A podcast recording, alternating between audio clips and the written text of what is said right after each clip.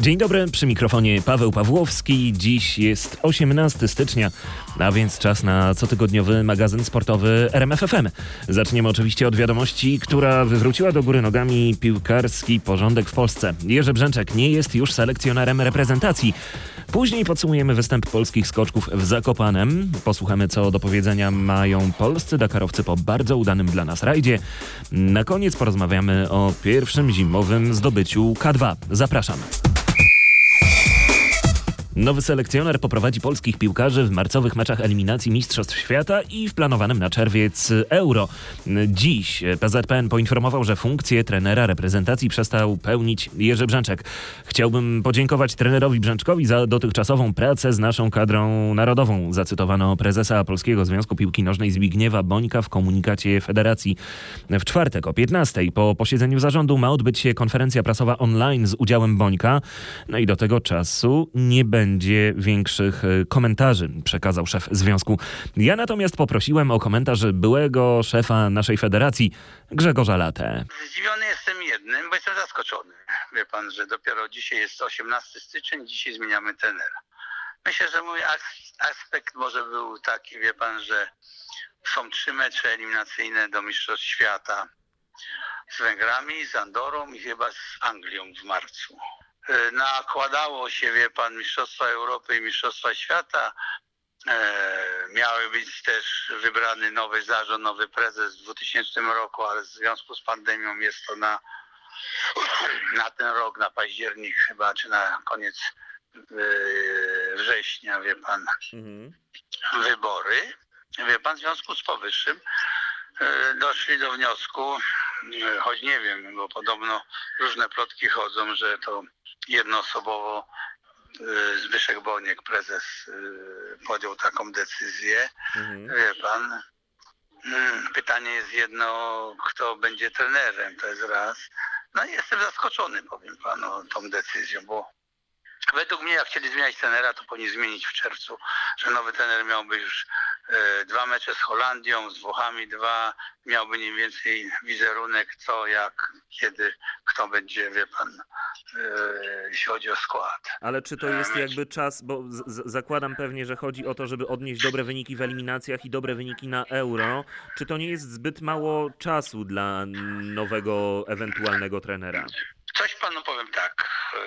No, czasu jest mało. Teraz pytanie jest, w jakiej formie będą nasi zawodnicy, bo jak z tego co widzę, to opieramy na, naszym, na naszym najlepszym e, zawodniku Lewandowskim, plus bramkarzy mamy dwóch praktycznie równorzędnych, bo i Szczęsny i Fabiański, wie pan, bronią dobrze. No i teraz pytanie, wie pan, no jak popatrzymy, e, Milik trybuny ostatnio mhm. w Napoli. Eee, resztę też.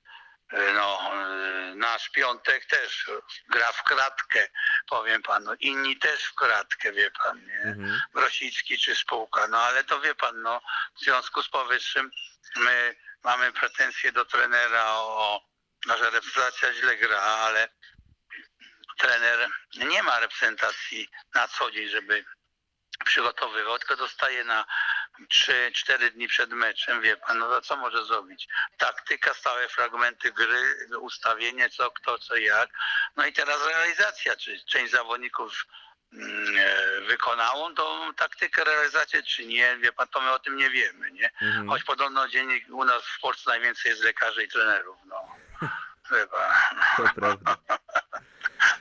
No nic, no to... wie pan, no ja uważam, że trochę za późno. Albo by mogli podjąć decyzję, wie pan, e, w czerwcu w tamtym roku i ten miałby w tej chwili e, trochę czasu, bo miałby teraz cztery mecze, żeby miał rozegrane, plus dwa towarzyskie przed tymi meczami miałby mniej więcej pojęcie, jak ustawić kto co, gdzie będzie grał. Tyle Grzegorz Lato o zwolnieniu Jerzego Brzęczka. Teraz zmieniamy temat I wracamy do skoków narciarskich w Zakopanem. Miniony weekend podsumuje nasz wysłannik, który obserwował zawody u stóp Wielkiej Krokwi, a był to Patryk Serwański. Wszystko zaczęło się w piątek i ten dzień właściwie w Zakopanem miał jednego bohatera na obu treningach i w kwalifikacjach. Najdalej skakał rekordzista obiektu Japończyk Yuki Sato. Polacy nie uniknęli problemów, bo za nieprzepisowy kombinezon zdyskwalifikowano Piotra Żyłę i ten w niedzielnym konkursie indywidualnym już nie skakał. Ale w sobotniej drużynówce jak najbardziej. Trzymajmy się jednak chronologii. W piątkowych kwalifikacjach trzeci był Andrzej Stękawa, siódmy Dawid Kubacki, a jedenasty Klemens Murańka. To był ładny, daleki skok. No i taki mały błysk formy właśnie Murańki. Treningowe tak troszeczkę jeszcze szukałem tej pozycji, ale w końcu, w końcu udało się znaleźć i, i to najbardziej cieszy. Dopiero 19 lokata Kamila Stocha, który męczył się także na piątkowych treningach. Tak naprawdę dzisiaj nie był łatwy, łatwy dzień. Nie było w pracy luźno, lekko i przyjemnie, było, e, było trochę problemów. A zresztą te problemy, z którymi zmagam się praktycznie od, e, od paru lat, czyli z pozycją najazdową. Dzisiaj to się wszystko pogłębiło i, no i, i trudno mi było znaleźć dobry system, ale poza tym, jak cieszę się, że tu jestem e, na skoczni, na której uwielbiam skakać i e, no co, staram się, żeby te skoki były jak najlepsze. Mieliśmy teraz e, trochę czasu e, dla siebie, można było rzeczywiście pod, e, podładować akumulatory. No jeszcze powiem, że czuję się bardzo dobrze, natomiast e, no wiem, że będzie jeszcze wiele trudnych momentów w tym sezonie, dlatego trzeba być e, cały czas skoncentrowanym i, i cały czas twardo stąpać po ziemi. Zatem choć bez dalekich skoków pierwszego dnia Stoch był optymistą, awans do niedzielnych zawodów wywalczyli także Paweł Wąsek i Jakub Wolny, choć ten ostatni skakał krótko, a wiele osób zastanawiało się, czy powalczy ze Stękałą o miejsce w drużynie. Nie powalczył. Zabrakło na pewno. E, po cichu też liczyłem e, na to, że jeżeli pokaże się tutaj dziś z dobrej strony, to może uda się jutro wystartować, natomiast no cóż, no ja mogę powiedzieć, że ze swojej strony dałem dzisiaj wszystko. Nie były to moje optymalne skoki, natomiast e, no cóż, no takie są skoki. Miałem dziś dużo problemów, że ze startem z belki startowej, bo jest ona tutaj taka dosyć specyficzna, że rusza się jakby było się za nartami. Podsumował Wolny. Dopiero 44. rezultat kwalifikacji miał lider Pucharu Świata Halvor Egner Granerud. Zatem po dość interesujących kwalifikacjach przystąpiliśmy dzień później do rywalizacji drużynowej. Polacy wystąpili w żelaznym składzie, Stoch, Żyła, Kubacki i Stękała. O ile po tych kwalifikacjach można było mieć jakieś niewielkie wątpliwości dotyczące formy Polaków, no to pierwsza seria drużynówki właściwie całkowicie je rozwiała. Na skoczni trudne warunki, mocno padający śnieg, zmienny wiatr, a po pierwszej serii Polacy ponad 20 punktów przewagi nad Austrią i ponad 46 nad Norwegią. Przytoczę odległości Polaków z tej pierwszej serii. Piotr Żyła 136 metrów, Kamil Stoch 131, Andrzej Stękała 137 i Dawid Kubacki 131. Naprawdę fantastyczne skoki biało-czerwonych, a u naszych rywali zdarzały się słabsze próby. U Norwegów znów zawiódł Granerud, u Niemców Geiger, u Japończyków zwycięzca kwalifikacji Yuki Sato radził sobie słabo, u Austriaków pierwszy słabszy skok miał Herl. Drugą serię odległością 137 metrów otworzył u nas Żyła, no ale potem pojawiły się już kłopoty. Stoch 126,5 metra, a Stękała tylko 115,5. W oczywiście naprawdę trudnych warunkach. Kubacki kończył konkurs 133,5 metra, no ale nie odrobił strat, które pojawiły się po skoku stękały. Ostatecznie Polska druga, 9 punktów za Austrią.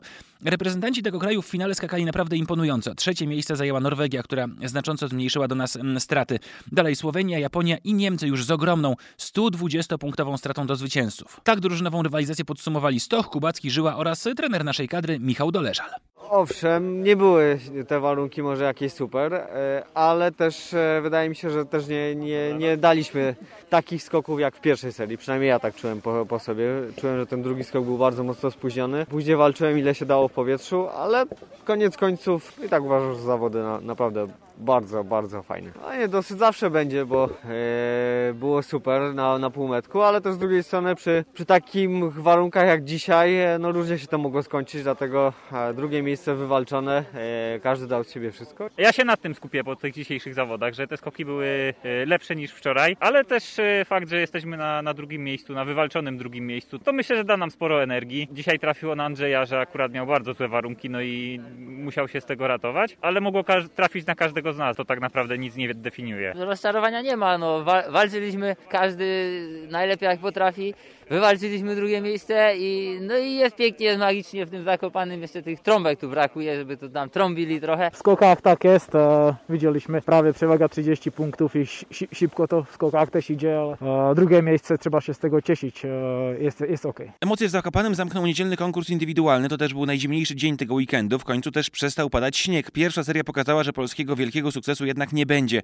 Stękała czwarty, Stoch i Kubacki skakali w trudniejszych warunkach i znaleźli się dopiero w drugiej dziesiątce. Obaj jednak po konkursie przyznali, że w tych pierwszych skokach popełnili też błędy. Nie powiedziałbym, że, że ja tutaj miałem jakiegoś wybitnego pecha. Po prostu wiem, że też popełniałem dzisiaj błędy, że ten pierwszy skok zwłaszcza nie był taki dobry. Nie było tak wszystko czysto i technicznie i też nie było dobrej dobrej mocy na progu. No taki stary szkolny błąd mój. E, troszeczkę za mocno było zabrane górą, klatką z progu. No i była wysokość, nie było prędkości. I tutaj było ciężko, ciężko odlecieć. E, do tego też z Kamilem jakichś rewelacyjnych warunków nie trafiliśmy. No i trzeba było lądować dość, e, dość krótko. Druga seria to nadzieje na podium stękały. Ten w finale skoczył 136,5 metra, to dało ostatecznie piątą lokatę. I rodzi się pytanie, czy Andrzej Stękała to już jest gwiazda polskich skoków i ktoś, kto może na dłużej zadomowić się w światowej czołówce. A tego to się chyba nigdy nie da stwierdzić. Natomiast to, że jest obecnie gwiazdą w polskim sporcie, to, to nie ulega wątpliwości. To, że jest bardzo wysokiej, dobrej dyspozycji, stabilnej, to też, to też w sumie widać, nie wymaga tego komentarza. To, że, jest, to, że sobie zasłużył na, na to, gdzie teraz jest, to też nie ulega wątpliwości. Dlatego mam nadzieję, że ta chwila dla niego będzie trwała bardzo, bardzo długo. Tego mu życzę. Oceniał Kamil Stok, żeby wygrać trzeba było przekroczyć na Wielkiej Krokwi granicę 140 metrów. Wygrał Mariusz Lindwik 145,5 metra w drugiej serii. Drugi był Angela Niszek 143,5 metra, a trzeci Robert Johansson. On skoczył w finale 141 metrów. Trener Michał Doleczal z całego weekendu w Zakopanem był zadowolony. Na pewno dzisiaj chcieliśmy więcej. Wczoraj podium, a Andrzej, Andrzej bardzo pozytywnie dzisiaj, super robota. Reszta chcieli, chcieliśmy więcej, ale ale w, niestety ta, takie czasem e, są zawody no i trze, trzeba, trzeba e, teraz to już puścić z głowy i koncentrować się dalej na, na Lachty. Podsumował Doleżal i wywołał temat Lachty, czyli kolejnych konkursów Pucharu Świata. Tam Polacy przecież odnosili sukcesy. No tak, e, tylko oczywiście z tą skocznią mamy, mamy bardzo miłe wspomnienia, tylko że wspomnienia nie skaczą i ja do tego podchodzę w ten sposób. No to jest, to jest kolejny Puchar Świata. E, trzeba tam po prostu zrobić swoją, e, swoją robotę i to, że zdobywaliśmy tam e, fajne miejsca wcześniej, no to, to w niczym nam nie pomoże. No tutaj w zeszłym roku też zdobywałem lepsze miejsce, dziś mi to nie pomogło. No. Mówił Dawid Kubacki, no a konkurs w Zakopanem nie zmienił mocno sytuacji w klasyfikacji generalnej Pucharu Świata. Norweg Halvor Egner Granerud nadal jest liderem, 956 punktów, drugi Markus Eisenbichler 716, a trzeci Kamil Stoch 646 punktów. Aaron Domżała i Maciej Marton zajęli trzecie miejsce w rajdzie Dakar w klasie pojazdów UTV. Jakub Przygoński był czwarty w rywalizacji samochodów, podobnie jak jadący kładem Kamil Wiśniewski oraz druga polska załoga UTV. Czternaste zwycięstwo odniósł Stefan Peter Hansel. Świetnie spisały się oczywiście dwie pozostałe załogi. Kierowcami byli debiutujący w Dakarze bracia Goczałowie z Energylandia Rally Team, którzy mieli u boku bardzo doświadczonych pilotów. Michał Goczał jechał z Szymonem Gospodarczykiem. Oni zajęli czwarte miejsce. Natomiast Marek Goczał e, podróżował z Rafałem Martonem. Ostatecznie uplasowali się oni na ósmym miejscu. Podsumowaniem udanego występu było drugie miejsce na ostatnim etapie Michała Goczała i Szymona Gospodarczyka. Posłuchajmy zatem, e, co do powiedzenia po rajdzie miał właśnie Szymon Gospodarczyk z Energylandia Rally Team. Jesteśmy na mecie tego piekielnie trudnego rajdu. Czwarte miejsce w generalce to nasz wynik końcowy. To jest coś niesamowitego. Jesteśmy mega szczęśliwi.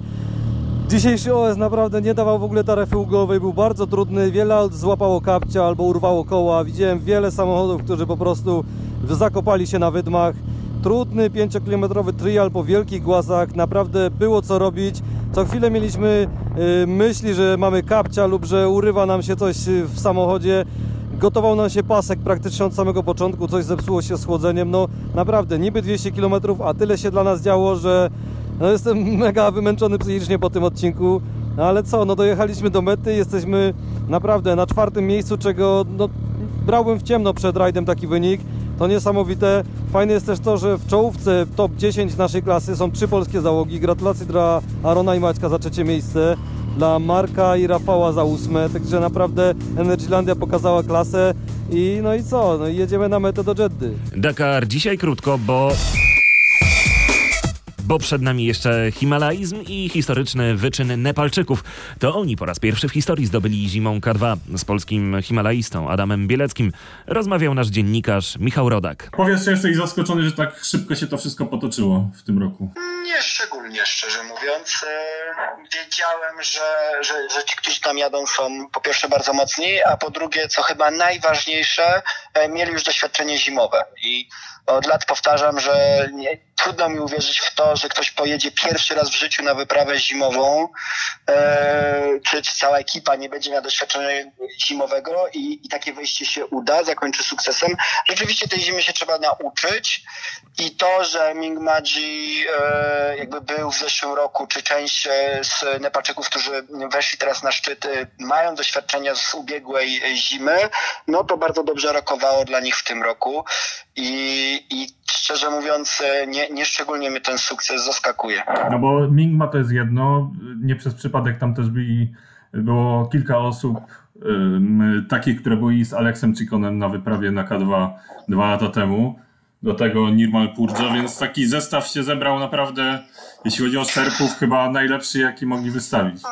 No myślę, że jakby nie, nie taki był zamysł, ale gdybyśmy tworzyli repreze- reprezentację narodową czy kadrę Nepalu we wspinaczce wysokogórskiej, to myślę, że ona byłaby e, no, w znacznym stopniu tożsama z tą ekipą, która weszła na, na szczyt K2.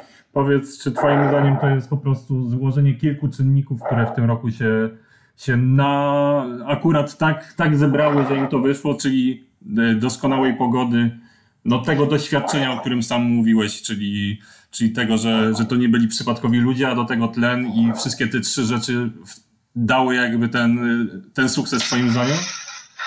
Z jednej strony doświadczenie, z drugiej strony e, mocny e, zespół. E, Kolejna rzecz to to, że rzeczywiście no, długi okres dobrej pogody i w grudniu, no i teraz fenomenalne, naprawdę fenomenalne okno pogodowe.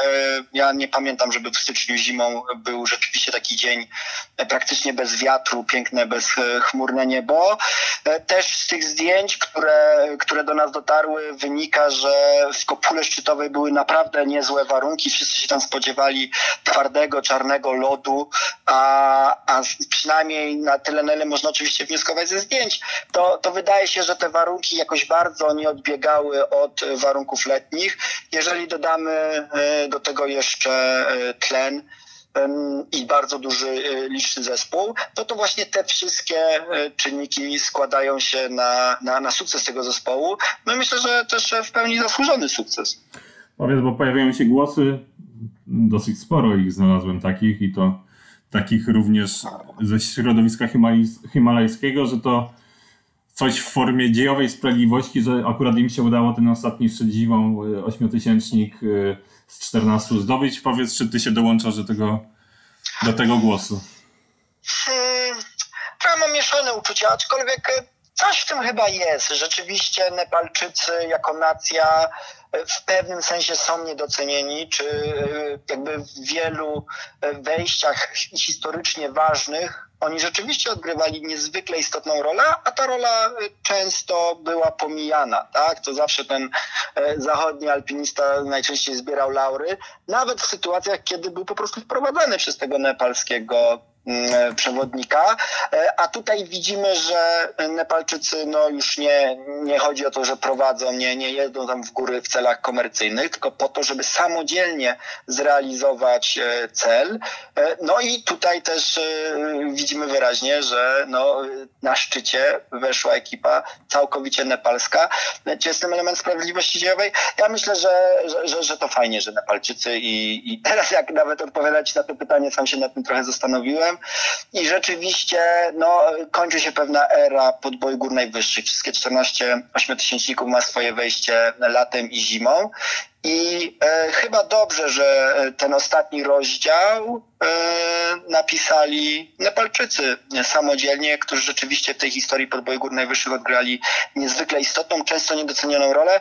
Dzisiaj e, dużo więcej osób kojarzy nazwisko Hilarego niż Tenzinga Norgaja. E, i też widzę tu taką pewną klewrę, tak, że Nepalczycy byli obecni przy pierwszym wejściu na Everest, tak, a tutaj oczywiście byli też przy pierwszym wejściu na Napurnę i tak naprawdę towarzyszyli praktycznie wszystkim wyprawom zdobywającym ośmiotysięczniki po raz pierwszy. No a teraz na koniec samodzielnie e, niejako e, stają na szczycie K2 zimą. E, Mam nadzieję, że, e, że to jest tak naprawdę początek kariery nepalskich wspinaczy też na arenie e, himalajzmu sportowego, czego im bardzo życzę. Ty nie ukrywałeś, że z tych, tych kilku wypraw, które tam, tam się złożyły akurat w tym roku, no, no niekoniecznie ci odpowiada, mówiąc delikatnie. Czy ty y, czujesz y, taką y, dzisiaj lekką ulgę, że trochę tej presji jakby y, i tego zamieszania zniknie, jeśli chodzi o, o ciągłe mówienie w Polsce, ale też na świecie o tym zimowym K2, czy też lekką złość na to, że ktoś, kto zrobił to po raz pierwszy, zrobił to z tlenem? Em, Czy ja wiem? Wiesz co, no powiem ci tak, że, e, że chyba jest e, taki element, że ten hype może opadnie i na pewno e, dotarłem do takiego punktu, że o ile wciąż myślę o tym K2 i, i tak naprawdę to wejście niewiele e, jakby w tym myśleniu zmienia, bo dla mnie otwartą kwestią zawsze było nie to, czy da się wejść e, zimą na K2 z tlenem. Nie miałem wątpliwości, że to jest możliwe. Zawsze dla mnie tym e, pytaniem było, czy da się wejść na K2 zimą bez tlenu. To mnie, to pytanie mnie ekscytowało, to mnie pociąga i, i po to chcę jechać na to K2, żeby, żeby sprawdzić, czy się da, tudzież żeby udowodnić, że się da. To, że ktoś wszedł z tlenem, e, wiesz no, to jest tak czy inaczej olbrzymi sukces. Ja mam taką pełną świadomość, że dla, dla e, no, szerokiego grona, dla, dla społeczeństwa, dla laików, nie ma to po prostu żadnego znaczenia. E, A to, że e, no, ja mam takie poczucie, że gram w trochę inną grę i to wejście ich umiarkowanie mnie dotyczy, no bo super udowodnili, że da się wejść z tlenem, e, no ale co z wejściem bez tlenu? Gra e, toczy się dalej. Czy jest zazdrość? Nie, nie, nie sądzę, żeby to była zazdrość. Cieszę się z sukcesu chłopaków, chociaż no, może nutka takiego myślenia, że, że jednak wolałbym, żeby to się odbyło w czystym stylu, czy jakby e, większą na pewno byłoby dla mnie to wejście, większą miałoby dla mnie wartość, gdyby zostało zrobione bez tlenu, no to, to, to są fakty, Em, ale tak czy inaczej na razie myślę, że, że trzeba się cieszyć z tego, że weszli, a o niuansach etycznych i stylowych e, jeszcze będzie czas porozmawiać. Czyli ty nie porzucasz myśli o tym, żeby tam jeszcze, no czy to za rok, czy za dwa lata, trzy, kiedykolwiek jednak pojechać i bez tlenu jeszcze próbować. Nie, zupełnie nie. No wiesz, ja miałem propozycję e, pojechania na K2 z tlenem i to nie jest tak, że... e, W tym roku. że nie mogłem. Nawet w tym roku też dostałem zaproszenie na przyszły rok i ja te y, zaproszenia konsekwentnie odrzucam. Właśnie z tego względu, że to po prostu nie jest dyscyplina, y, którą ja uprawiam. Wspinanie na ośmiotysięczniki z tlenem to jest po prostu inna dyscyplina sportu niż himalajzm sportowy. E, więc w kontekście mojego ewentualnego wejścia y, na K2 myślę, że to niewiele zmienia. Chociaż oczywiście pewnie mniejsze będzie zainteresowanie mediów, sponsorów, e, może nie będzie takiego szumu wokół tego, ale pytanie, czy to źle? Może, może to właśnie dobrze. I to już wszystko w tym wydaniu magazynu sportowego. Dziękuję za uwagę. Paweł Pawłowski na kolejny magazyn. Zapraszam za tydzień. Do usłyszenia.